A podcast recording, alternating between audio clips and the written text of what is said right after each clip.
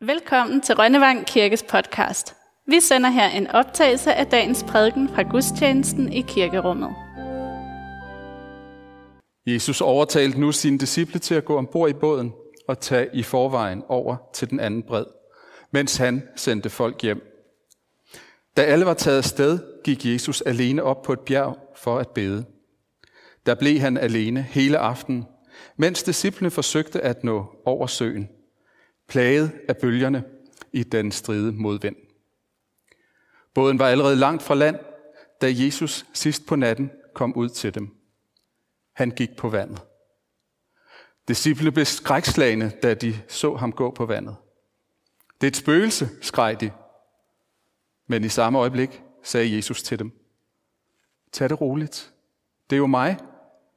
I skal ikke være bange. Hvis det er dig, herre, sagde Peter, så sig, at jeg skal komme ud på vandet til dig.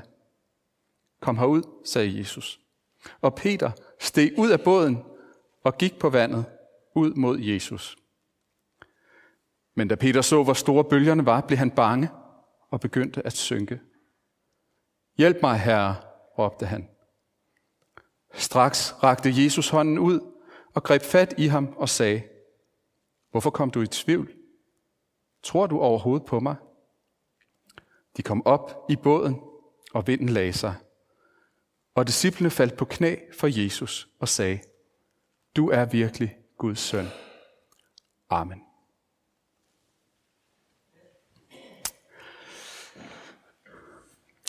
Jeg har, jeg har tænkt en del over, hvor det afgørende øjeblik i den her beretning, som vi lige har læst, egentlig er henne. Hvad er det ligesom, vi skal tage med os og lære af det her? Er det, at Jesus kommer til os i stormen? Er det, at vi skal træde ud af båden, ud på vandet? Er det, at han griber os, når vi synker? Eller hvad er det? Jeg vil gerne prøve noget andet her i dag. Nemlig at se hele den her beretning som sådan en slags mønster. Et mønster i, i forhold til vores liv med Gud. Et mønster også i forhold til, hvordan vores liv i dag folder sig ud. Så det, det er altså ikke noget med ligesom at zoome ind på et enkelt moment, men, men prøv at se ud over hele beretningen og se, hvordan vi kan spejle vores liv i dag i den. Jeg vil gøre det ved sådan at slå ned på en række steder i beretningen fra dagens tekst. Og lad os øh, begynde med begyndelsen. Jesus overtalte nu sine disciple til at gå ombord i båden og tage i forvejen over til den anden bred. Det er næsten som om Jesus ved, hvad der skal ske. Som om han ved, at nu er der altså noget, som disciplene og Peter skal lære. Så derfor overtaler han dem til at, at tage afsted, selvom han selv bliver tilbage øh, ved søbredden. Hvorfor sker tingene, som de gør i vores liv? Det ved vi ikke altid.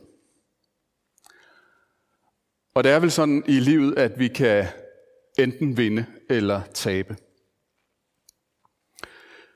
Jeg hørte her i ugen, at øh, Dr. Phil, den her amerikanske psykolog, han, øh, han giver den her sætning et lille twist. Enten vinder du i livet, eller også lærer du noget. You either win or you learn. Du vinder, eller du lærer. Og jeg tror, der er noget godt i den måde at gå til livet på. At øh, der, hvor man kan sige, at vi taber, jamen, der lærer vi noget.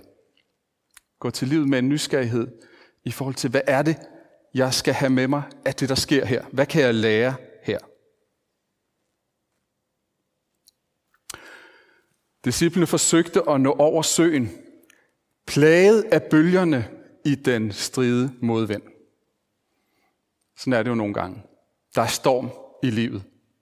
Vi kommer ud i strid modvind og må kæmpe for at nå frem. Det kan være noget, noget stort og særligt.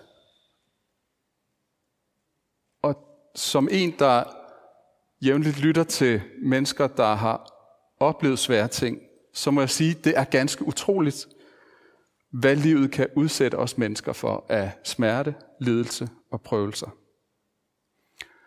For at sige det med lidt en kliché, altså virkeligheden overgår fantasien.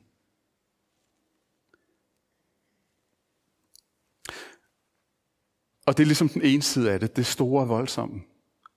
Men nogle storme kan handle om noget helt almindeligt, dagligdags, trivielt, noget som andre måske vil tænke, skulle det virkelig være noget særligt? Men ja, det er det. For mennesker er forskellige, og vores livsstorme er forskellige livet igennem. I en af, af mine absolute yndlingsbøger, en, øh, en, en moderne fabel, der hedder Drengen, Mulvarpen, Reven og Hesten, der øh, står der på en af siderne, Samtidig sagde hesten. Samtidig hvad? spurgte drengen. Samtidig er det modigt og storslået bare at stå op om morgenen og fortsætte. Vores livsstorme er forskellige. Men Jesus kommer til disciplene, gående på søen, og så siger han, tag det roligt. Det er jo mig. I skal ikke være bange. Jesus kommer til disciplene midt i stormen. Og sådan kommer han også til os i vores livsstorme. Og når han er der, så er vi ikke alene i stormen længere.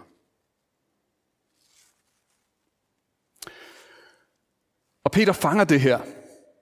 Hvis det er dig, herre, så siger jeg, at jeg skal komme ud på vandet til dig.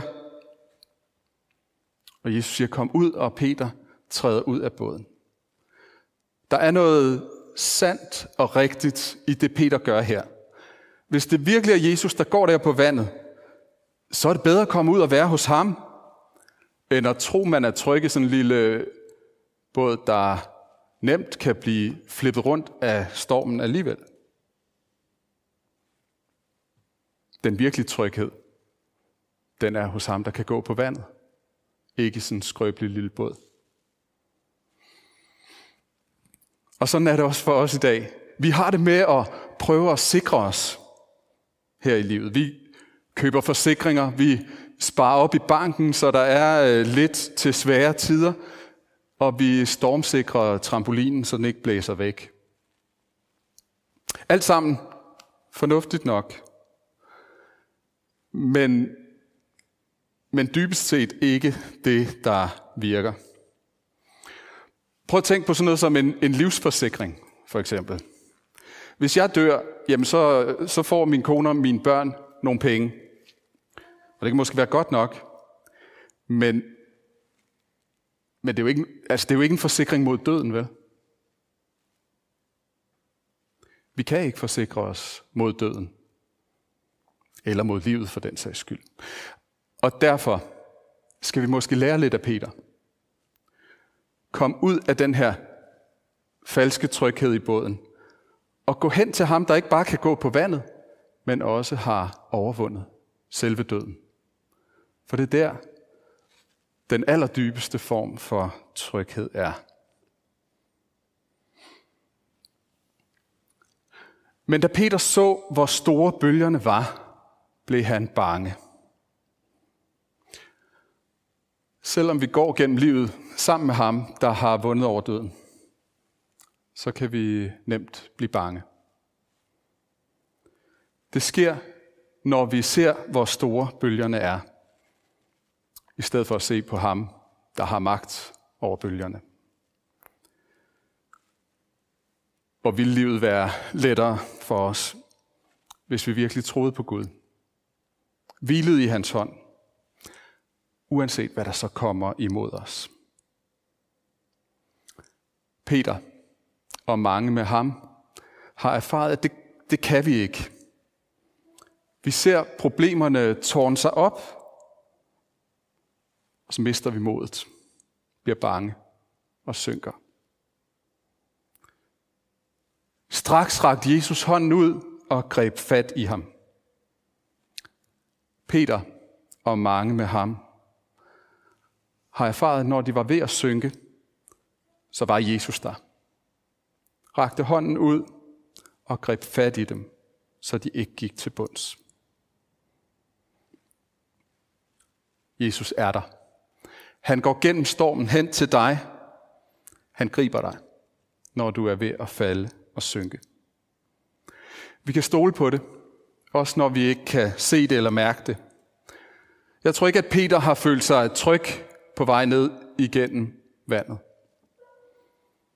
Han var bange. Og har sikkert tænkt, at, at nu går det da galt. Nu er det slut. Men på en måde var det lige meget, hvad han følte og tænkte. For Jesus' hånd greb ham og trak ham op. Sådan er Jesus stadig. Han griber os og trækker os op. Og han gør det på, på flere måder, end vi kan gennemskue og sætte ord på. Så spørger han Peter, hvorfor kom du i tvivl? Tror du overhovedet på mig? Og når Jesus spørger sådan, så er det ikke for at give Peter skyldfølelse. Men jeg tror, det er fordi, her er vi inde ved noget af det allervigtigste, som Peter skulle lære, og som vi skal lære igennem livet. Nemlig, at det ikke er vores tro, men Jesus, der frelser os. I vores lutherske kirke, der understreger vi ofte, at det er troen, som frelser, og ikke vores gerninger. Og det er sandt. Men det betyder jo ikke, at troen er sådan en, en, en magisk ting, som, som er en hel masse i sig selv. Det er ikke troen i sig selv, der frelser os. Troen frelser på grund af ham, vi tror på. Det er ikke fordi vores tro nu er så ufattelig fantastisk, at vi bliver frelst. Det er fordi den retter sig mod ham, der har magt over storm og sø og død. Og jeg tror egentlig, at vores oplevelse ofte vil ligne Peters. Hvor blev troen af, da det virkelig galt? Den blev meget lille. Måske forsvandt den næsten helt.